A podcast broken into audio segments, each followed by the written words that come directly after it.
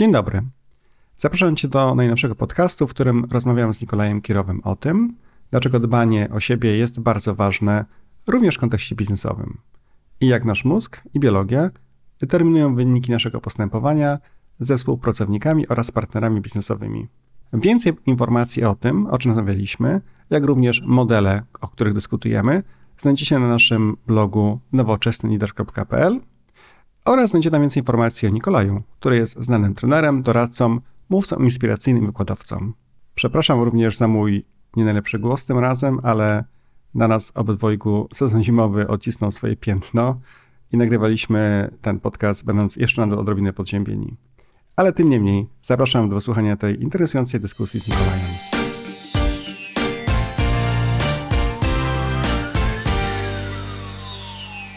Dzień dobry, witamy Was serdecznie w kolejnym podcaście.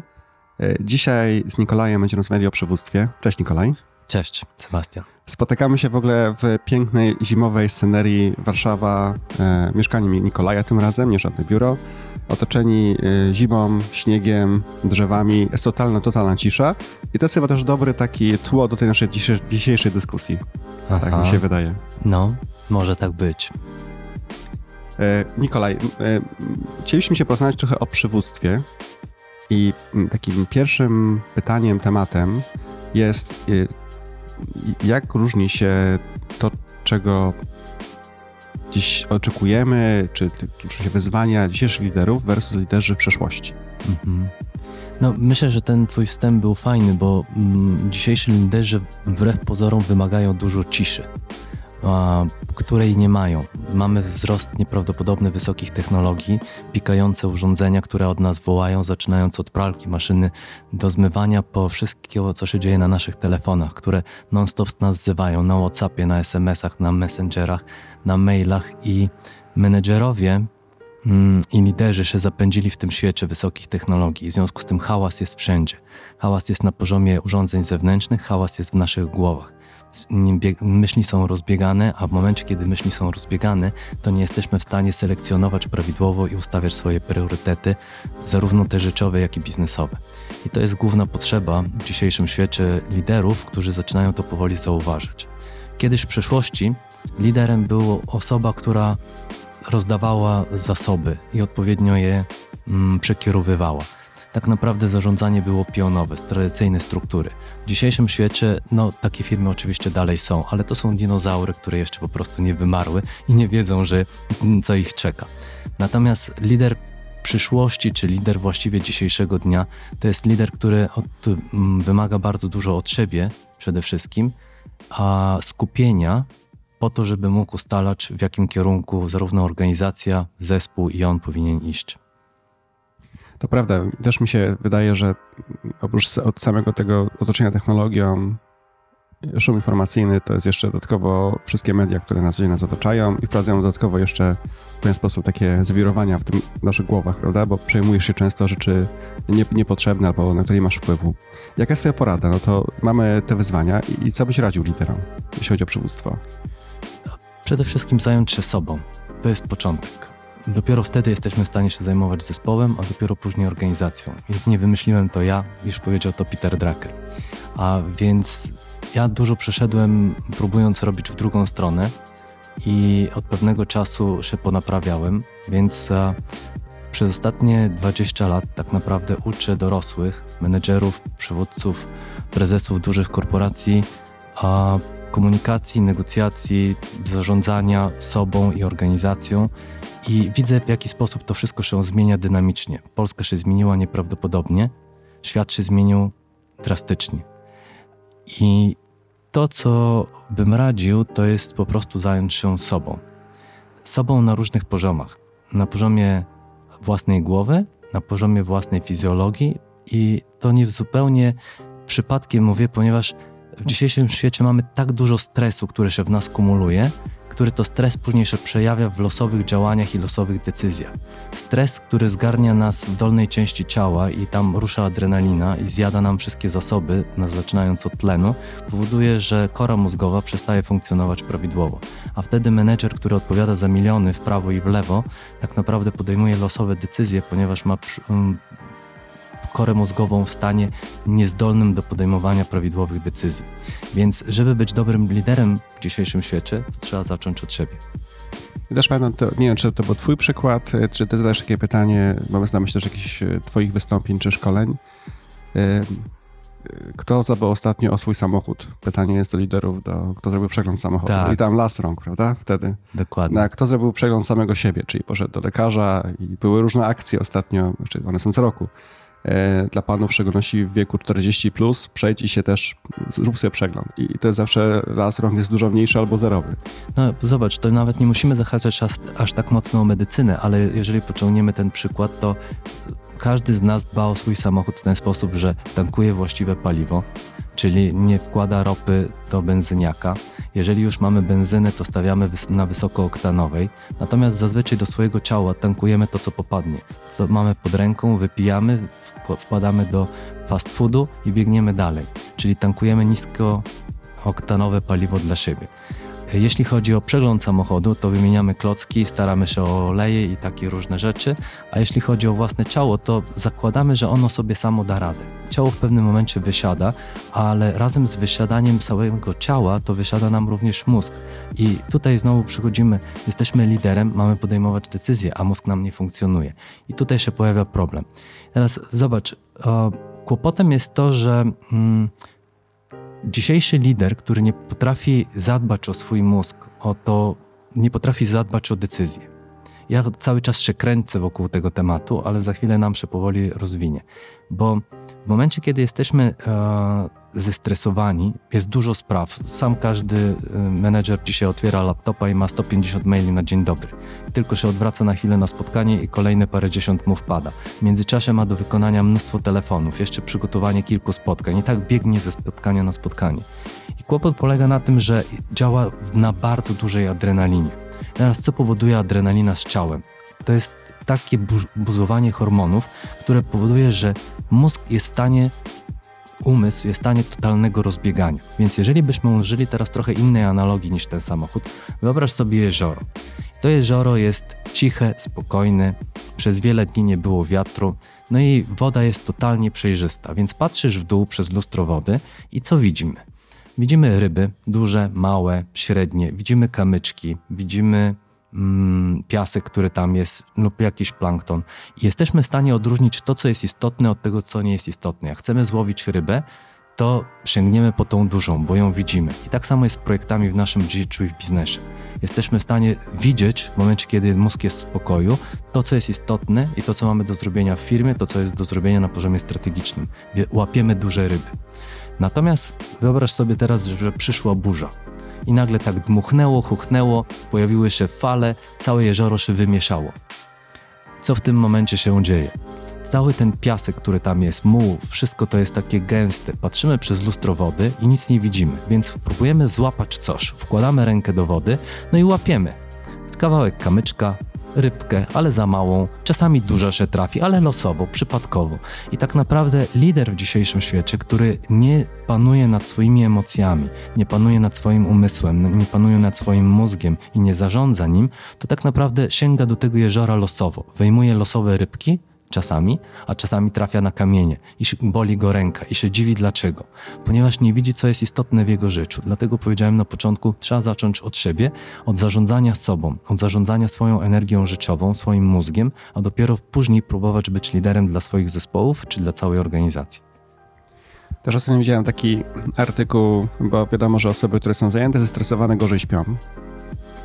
E, no też jest y, bardzo duża odsetek populacji, która ma problem ze snem, czy bezsenność, ogólnie ma problem ze snem i było napisane, jeżeli nie spałeś dobrze 6 godzin w ciągu nocy, to w ogóle nie idź do biura, bo tylko jesteś w stanie zrobić krzywdę ludziom, tak naprawdę. Tak, nawet są badania, które pokazują, że jeżeli przez jeden tydzień śpisz poniżej 5 godzin, to pod koniec tygodnia masz taką uważność mierzoną za pomocą rozwiązywania zadań zarówno matematycznych, jak i logicznych, jak u osoby, która ma jeden promil alkoholu we krwi. I w momencie, kiedy mm, ty powiedziałeś, że osoby, które są w stresie, gorzej śpią, ale można to postawić też odwrotnie. Jak mało śpisz, to masz wysoki stres, bo tak naprawdę już jesteś nieskupiony, nie jesteś w stanie zdecydować, co powinieneś zrobić, w związku z tym stres ci rośnie i to jest tak naprawdę zamknięte koło.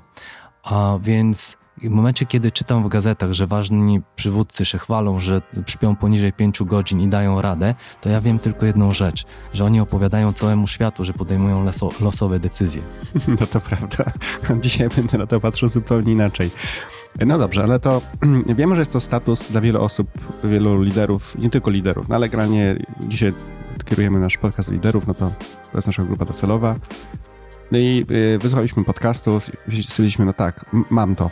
Za mało śpię, za dużo stresu, być może podejmuję losowe decyzje. Nie wiem, czy jestem tego świadom, czy byłem, czy byłam, bo teraz słucham Nikolaja i, i tak, być może tak jest. No to co zrobić, żeby tę sytuację zmienić? Jak ty zmieniłeś swoje podejście do zarządzania sobą, energią? Mm, ja doszedłem do ściany, do tak zwanej ściany, w której doszedłem do kilku powiedzmy nastu czasami kaw dziennie, a organizm powoli wyszedł. A dużo stresu, to co opowiedziałem o telefonach i mailach, czyli 150 maili dziennie, 280 spotkań, jeszcze mail, mailing między nimi, to, to jest moja działka z 10 lat temu.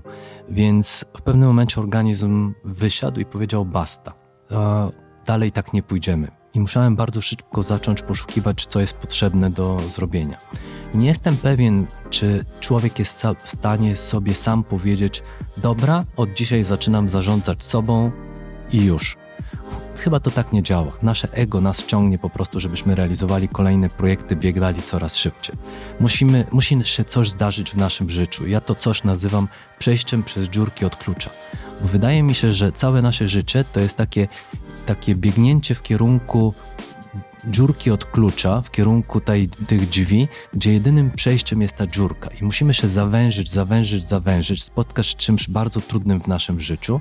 I dopiero w momencie, kiedy tam przejdziemy przez tą dziurkę, znajdujemy się po drugiej stronie drzwi i świat zaczyna nam się rozszerzać. To znaczy, zaczynamy myśleć wreszcie tak, jak powinniśmy i zaczynamy robić rzeczy, które właściwie powinniśmy robić. Więc w momencie, kiedy ja przeszedłem przez swoją dziurkę od klucza, to mm, mój świat się zmienił o tyle, że zacząłem dbać przede wszystkim o swoje zdrowie, ponieważ lider tak naprawdę nie dysponuje niczym poza swoim zdrowiem. Jak popatrzysz na, e, dlaczego powiedziałem niczym, bo z, można powiedzieć tak, no dysponuje firmą, zasobami pieniężnymi, czasem, który tam jest, ale tak naprawdę to wszystko jest wtórne w stosunku do zdrowia, którego mamy. I w momencie, kiedy przeszedłem przez tą dziurkę od klucza, to musiałem się zająć swoim zdrowiem, a to oznacza, że dzisiejszy świat wygląda trochę inaczej. Rano wstaję zazwyczaj o 5 i pierwszą godzinę mam coś, co się nazywa Calligraphy Health System, czyli kombinacja Tai Chi Qigong. To jest taki nowoczesny system, który służy do tego, żeby krew zaczęła krążyć prawidłowo w organizmie, żeby dotlenić organizm. Piję dużo wody, odstawiłem wszelkiego rodzaju używki i kawy, które tak naprawdę nas niszczą od środka na dłuższą metę oraz mm, wzburzają nasz mózg, a to powoduje, że nasz umysł jest również zburzony i wtedy nie podejmujemy dobrych decyzji. Więc trzeba ponaprawiać siebie od strony fizjologicznej, czyli na poziomie ciała, ponaprawiać siebie od strony emocjonalnej, czyli radzeniem sobie z tym, jak interpretujemy różne sytuacje w relacjach z innymi ludźmi, bo zauważmy, że nie można być dobrym przywódcą, jeżeli jesteśmy nie interpretujemy prawidłowo zachowania innych osób i wszystko bierzemy do siebie bo to automatycznie powoduje nam skoki ciśnienia, zburzoną krew i atak, i atak na drugą stronę. Zaczyna działać mózg gadzi, który po prostu albo atakuje, albo jeżeli partner jest silniejszy, to się zwija i mówi, dobra, niech będzie po twojemu i się wycofuje. I dopóki nam działa ten mózg gadzi i nad nim nie panujemy, jesteśmy tylko w ataku i ucieczce, to tak naprawdę nie jesteśmy w stanie również zarządzać ludźmi, nie jesteśmy w stanie zarządzać pieniędzmi w organizacji.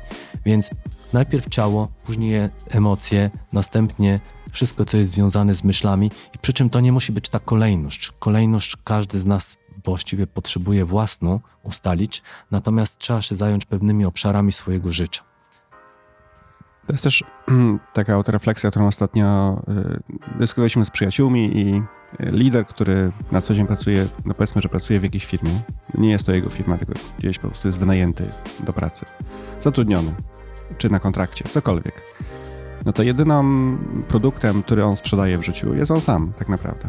Nie bez żadnych złych e, konotacji do słowa produkt, oczywiście, no bo to, to jest czas, za który mu się płaci, płaci mu się za efekty, za, za dobrą atmosferę często. Teraz wszystkie te nie, trendy związane z rynkiem pracy, który jest intensywny i trudniejszy, spowodowały, że liderzy wymaga się od nich lepszych umiejętności miękkich.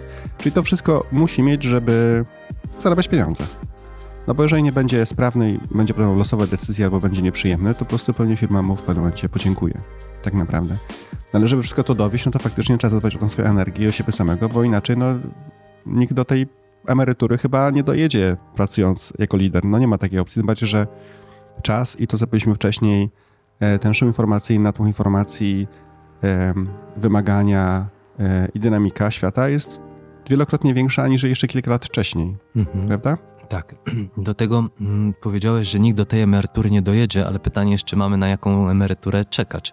Bo pewne przewidywania pokazują, że dzieci urodzone po 2002 roku będą żyły mniej więcej 100 lat. Takie są trendy, jeżeli patrzymy na cykl życia człowieka w społeczeństwach bogatych, powiedzmy Europa, Stany Zjednoczone. Teraz, jeżeli mamy żyć, jeżeli będziemy żyć 100, 104 lata, to zobacz, dzisiaj przychodzimy na emeryturę wieku lat 64, co oznacza, że mamy około 40 lat pracy po 24 roku, kiedy kończymy mniej więcej studia. 40 lat pracy, a później mamy jeszcze do 104 lat kolejne 40 lat życia. I żaden system emerytalny tego nie wytrzyma. To, to będzie oznaczało, że to my będziemy musieli pracować, mając lat 70, 80, 90, żeby się utrzymać. Pytanie jest, jaka praca będzie potrzebna do wykonywania. I jak sobie patrzymy na wysokie technologie, to robotyzacja zaczyna zastępować wiele mm, stanowisk pracy. Z drugiej strony mamy systemy informatyczne, które już się same programują. Zatem informatyzacja razem z robotyzacją zabierze mnóstwo miejsc pracy. Czyli e, fizycznej pracy dla nas nie będzie, bo kopanie rowu zostanie zostawione maszynie. Czyli my będziemy musieli wykonywać prace umysłowe. A umysł, żeby pracował w wieku lat 60, 70, a później 80, 90 i być może 100, to musimy o niego zacząć zadbać dużo wcześniej. Zatem ta energia życiowa, o którą powinniśmy zadbać już w wieku lat, dzisiaj bym powiedział 20, a nie 40, bo 40 to jest nasze pokolenie, powiedzmy X. Natomiast widzimy, w jaki sposób spalają się Y.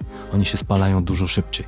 W wieku lat 28, 9 już są zawały. To dzieciaki już nie przeżywają tego. Kiedyś zawał przychodziło w wieku lat 40, teraz to ten moment spada. Więc jeżeli nie zadbamy o siebie, o energię życiową, to nie ma szansy, żeby później przez te kolejne 40 lat po dzisiejszej, powiedzmy, emeryturze móc pracować i na siebie zarabiać. To, to prawda. E, wiesz co, dobrze, bo to są takie tematy dość istotne, ciężkie, ale ważne, żeby moim zdaniem ludzie o nich pomyśleli teraz. Ja też wczoraj, taka dygresja, oglądałem jeden z filmów na YouTubie odnośnie globalnego ocieplenia, w którym e, to, że temperatura wzrośnie o 1,5 stopnia jakby jest gwarantowane, e, że już tego nie zatrzymamy że ona może wzrosnąć o 6 stopni, to jest potencjalnie rozwiązanie wszystkich problemów, bo to będziemy mieli za chwileczkę to 2030. Mhm. E, to jest ten moment, kiedy ta, ta temperatura może wzrosnąć bardzo wysoko. Także przy okazji edukacyjnie, może nie lidersko, zachęcamy do posłuchania tych tematów, bo są sprawy istotne, a jako liderzy możecie również na nie wpływać i je zmieniać. A wizja nie jest specjalnie budująca, powiem szczerze. Nie wiem, czy widziałeś to coś na ten temat, Nikolaj? No, sporo tego jest w mediach w ostatnim czasie.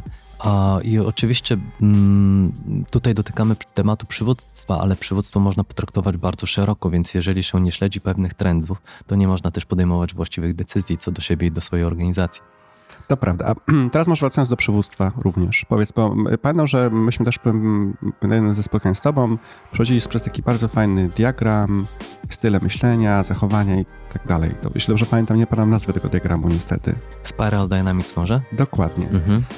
Chciałeś może trochę ten, na ten temat trochę dzisiaj powiedzieć również, bo to było bardzo inspirujące i ciekawe, jak dostosować swój sposób e, komunikowania na przykład do poszczególnych poziomów spirali Dokładnie. rozwoju. Mhm. A musielibyśmy trochę opowiedzieć o samej spirali. Sama spirala to jest koncepcja, która dzisiaj możecie się spotkać na wielu konferencjach zwanych mm, turkusów, które poszukują turkusowe organizacje albo w jaki sposób te organizacje zorganizować w sposób turkusowy.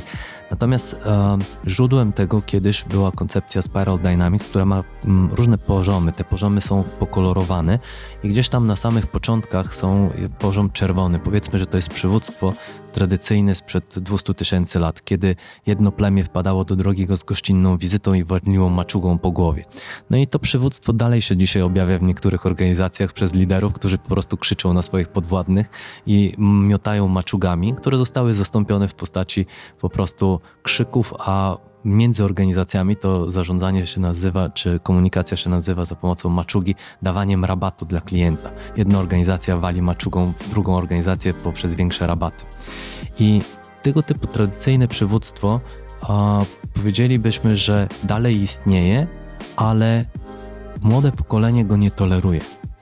Więc kolejny poziom jest kolorem niebieskim oznaczony. To jest przywództwo bardziej takie hierarchiczne, bardziej mm, ustrukturalizowane, gdzie w grę wchodzą procesy, procedury, regulacje prawne, hierarchia jest istotna, kto nad kim. Tu nie musi, niekoniecznie musi być związane z krzykiem, który zostaje na poprzednim poziomie, aczkolwiek my nie gubimy poziomów, czyli krzyk może nam się przenieść, ten czerwony poziom również do kawałka niebieskiego. Czyli tym, na tym poziomie byliśmy w momencie, kiedy wchodzimy do organizacji i widzimy, jak działają procesy, jak działają procedury, że, to, że takie zarządzanie jednostkowe zostaje zastąpione przez pewnego, pewnego rodzaju regulacje. Następny poziom to jest poziom pomarańczowy, poziom, który jest nazywany dzisiaj poziomem biznesu, bo tam jest nauka, tam są badania, tam jest Excel, wyliczenia wszelkiego rodzaju. I za pomocą pomarańczowego poziomu komunikujemy się z partnerem, dając mu pewne analizy, dane itd. Tak Kolejny poziom jest poziom zielony. Powiedzmy, że to jest poziom demokracji, pluralizmu albo poziom ekologii też. I na tym poziomie myślimy o czymś więcej niż po prostu zarabianie pieniędzy, tylko o tym, jaki jest nasz wpływ na otoczenie. Niektóre firmy nazywają to CSR-em, ale nie do końca rozumieją, co za tym idzie. W związku z tym próbują ten CSR tak naprawdę zastąpić akcjami PR-owymi. A tutaj chodzi o autentyczne dbanie o społeczeństwo. Kolejny poziom, poziom żółty, to jest poziom już um, tak zwanej synergii, gdzie zaczynamy już jako liderzy prawidłowo priorytetyzować, selekcjonować to, co jest do zrobienia, nadawać temu priorytety, umieć widzieć talenty w ludziach, którymi zarządzamy i umieć te talenty uruchamiać. Potrafimy zarządzać też samym sobą. I w momencie, kiedy spotykają się osoby, które są na różnych poziomach tej spirali, bo ja przedstawiłem to w postaci kolorów, ale i czy można też powiedzieć schodów, ale faktycznie to jest pewnego rodzaju spirala rozwoju naszego myślenia, naszego, mm, naszego umysłu, to Wyobraź sobie, kiedy się spotyka taki czerwony z żółtym, gdzie ten żółty próbuje mu powiedzieć o selekcji o zadań, które powinien wybrać, o priorytetach, o nadaniu, o skorzystaniu z talentów jego współpracowników czy pracowników, a czerwony rządzi się wewnętrzną energią emocjonalną i krzyczy i mówi: Ma być po mojemu i to już, tu i natychmiast. I w momencie, kiedy się spotykają takie dwie osoby, to komunikacja pomiędzy nimi jest bardzo utrudniona. Właściwie kiedy występuje wiele poziomów różnicy pomiędzy nami, to wręcz niemożliwe jest dogadanie się. Ja eksplorując różne tematy w zakresie negocjacji, komunikowania się, widzę, że jak trudno jest pokazać ludziom, w jaki sposób dobierać komunikaty do różnych osób, z którymi się spotykają i w zależności jeszcze od stanu psychofizycznego, w którym oni są. Bo każdy z nas ma swoje lepsze dni, w którym ma szeroką świadomość, jest w stanie zrozumieć pewne komunikaty przyczynowo-skutkowe, logiczne komunikaty i dobrą argumentację i ma takie słabe dni, w którym ma niską energię i nawet jak przychodzimy do takiej osoby z bardzo logiczną argumentacją przyczynowo-skutkową, to on po prostu się zaczeczewia i mówi nie, ma być po mojemu. I zauważ, że bardzo często to jest ta sama osoba. Ona się specjalnie nie zmieniła fizycznie, natomiast rzeczywiście ta biochemia organizmu, która w środku jest na poziomie hormonalnym i zawężenia umysłu i naszej świadomości powoduje, że zachowania, które mamy w organizacji są zupełnie inne. I w momencie, kiedy człowiek jest na tych niższych poziomach i nie potrafi zarządzać sobą i swoją energią życiową, to tak naprawdę zaczynają go obsługiwać jego współpracownicy. Często zarządzają nim jego pracownicy, bo wchodząc do pracy patrzą w jakim nastroju jest dzisiaj szef, prawda? Ponieważ szef zamiast zarządzać sobą i organizacją, tak naprawdę działa w sposób losowy, a ludzie próbują się jakoś dostosować do tego jego losowego działania, ponieważ zazwyczaj ma wyższą pozycję jako lider. To też oczywiście ten mm, model na naszym blogu pod, y, podczepimy, żebyście mogli go sobie zobaczyć. Tam są też takie ciekawe, pamiętam, rysunki, bo pamiętam chyba czerwone to było dziecko takie, prawda? Tak, taki trzylatek. Taki trzylatek, nie? No, taki trzylatek, który jeszcze mm, nie widzi granic swoich i ich poszukuje, prawda? Bo chwilę temu mu się odpaliło ego, zaczyna poszukiwać, gdzie ja się kończę, a gdzie zaczyna się świat. Jeżeli mm, takiemu dzieciakowi się nie pokaże jego granice we wczesnym wieku, to później czasami dorasta do wieku lat 50. Często jest liderem dużej organizacji, a dalej zachowuje się jak trzylatek, krzycząc na wszystkich dookoła. To prawda. I też myślę, to, to, to, też właśnie w komentarzu do twojego mm, dyskusji, wypowiedzi o tym, że pracownicy uczą się swoich szefów, no to y, faktycznie jest tak, że często jest y, nawet w mojej firmie, no jak on dzisiaj się ma. No nie, dzisiaj nie. Dzisiaj tak. nie. Że poniedziałki są trudne przeważnie zawsze, no bo ludzie jednak przychodzą z trybu weekendowego nagle, bam, poniedziałki, duże korki, jeszcze większe korki niż zwykle, nie wiem dlaczego, ale poniedziałki są gorsze. No dobrze. No i wtedy jest tak, że rzeczywiście ta asystentka prezesa zarządza organizacją, bo ona pokazuje mm, ludziom, którzy wchodzą do jej gabinetu, czy warto dzisiaj wchodzić do prezesa, czy też nie.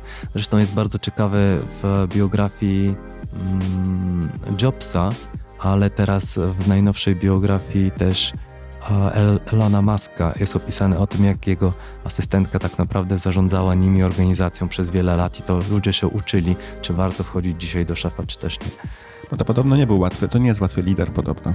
No, e. wszyscy wybitni, wszystkie wybitne osoby nie są łatwymi liderami. Każdy ma swoje mm, wyjątkowe umiejętności, kompetencje, które z drugiej strony gdzieś muszą być bywa, że są kompensowane w sposób niewłaściwy.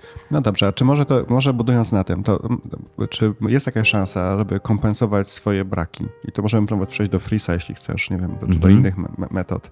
No, żeby kompensować nie może niekoniecznie sekretarką. Jakieś pomysł, rozwiązanie dla liderów? A... Bądźmy świadomi najpierw, to jest pierwsza rzecz, tak, a druga... czyli pierwsza rzecz to muszą złapać e, to świadomość, a później nauczyć się odpowiednich metod komunikacji z, z otoczeniem, z organizacją. W dzisiejszym świecie jest bardzo dużo narzędzi do tego. Są narzędzia osobowościowe, są narzędzia związane z psychologią poznawczą, gdzie możemy się uczyć po prostu, nakładać sobie takie okulary, czy mm, soczewki widzenia innych ludzi przez pewien pryzmat. Bo co do jednej rzeczy powinniśmy się zgodzić, na tym świecie jest 7 miliardów ludzi mniej więcej z hakiem, a każdy z nas jest zupełnie inny. No i mm, największym problemem mm, menedżerów w organizacjach jest to, że nie akceptują różnorodności. Nie akceptują tego, że druga osoba może myśleć inaczej, albo że w momencie, kiedy dają zlecenie wykonania pewnej pracy, to myślą sobie, że partner, ich podwładny, współpracownik powinien sam wiedzieć, co oni mają w głowie, jak ma to zrobić. I okazuje się zazwyczaj, że ten partner robi tą pracę, ale trochę inaczej, tak jak jemu się wydawało, że to jest właściwie. I w tym momencie się pojawia wściekłość u takiego menedżera, dlaczego on wykonuje to inaczej. Wróćmy teraz do tego. Mamy 7 miliardów ludzi, każdy jest inny. I to, co możemy jako liderzy zrobić, to jest nauczyć się, jak widzieć tych innych ludzi, jak widzieć w czym oni są różni, jak się z danym człowiekiem konkretnym komunikować, żeby on wykonywał pracę albo robił to, co my oczekujemy w sposób taki, jaki oczekujemy. Więc oczywiście, tak jak wspomniałeś, na rynku są równie różne narzędzia. Można się nauczyć różnych stylów myślenia partnera, słyszeć to w jego słowach i dobierać do tego swoją komunikację. Tego uczymy zazwyczaj na szkoleniach miękkich. Przy czym ja ze słowem z szkolenia miękkie mam coraz większe problemy, ponieważ te szkolenia wcale nie są miękkie. W dzisiejszym świecie bez kompetencji typu em, komunikacyjnego czy inteligencji emocjonalnej, to jako lider tak naprawdę jest też biegasz z toporkiem dookoła i nie widzisz, ile szkody robisz w swojej organizacji, ile pieniędzy tracisz. Więc na naszych e, studiach bardzo często przychodzą prezesi, dyrektorzy, to są studia MBA, którzy poszukują wiedzy na temat strategii, finansów czy marketingu, bo wydaje im się, że tutaj to pomoże im rozwinąć swój biznes, a odkrywają, że tak naprawdę największe korzyści mają z tego, że zaczynają zauważać, że dookoła są prawdziwi ludzie, że każdy z tych ludzi jest inny, że można do niego dobierać inne narzędzia komunikacyjne i wtedy nagle praca zaczyna im rosnąć, i zaczynają zarabiać pieniądze. Zatem to, co można radzić, to jest tak naprawdę rozwijać swoje kompetencje, nazwijmy je miękkie, ale tak naprawdę chodzi o kompetencje negocjacyjne, komunikacyjne, a związany z widzeniem po prostu drugiego człowieka, zarządzaniem sobą w różnych sytuacjach i tak, żeby nie psuć krwi sobie i otoczeniu. I dzięki temu zarabiać pieniądze. To, to, jeszcze może cały czas, bo staramy się w, dać naszym słuchaczom jakieś takie trzy porady, trzy kierunki. Jeśli jutro miałaby zrobić coś inaczej, to co by to było? Czy możesz coś do, doradzić słuchaczom? Jutro wstajesz, albo nawet dzisiaj po podcaście, słuchasz się podcastu i pierwszą rzeczą, którą rekomenduję zrobić jest? Na poziomie ogólnym bym powiedział, pierwszą rzeczą to jest przyjrzeć się sobie jakim człowiekiem ja jestem, w jaki sposób ja postępuję w swojej firmie, w swojej organizacji, w swoim zespole z otoczeniem, z innymi ludźmi. I to jest podstawowa rzecz, taka trochę samorefleksja.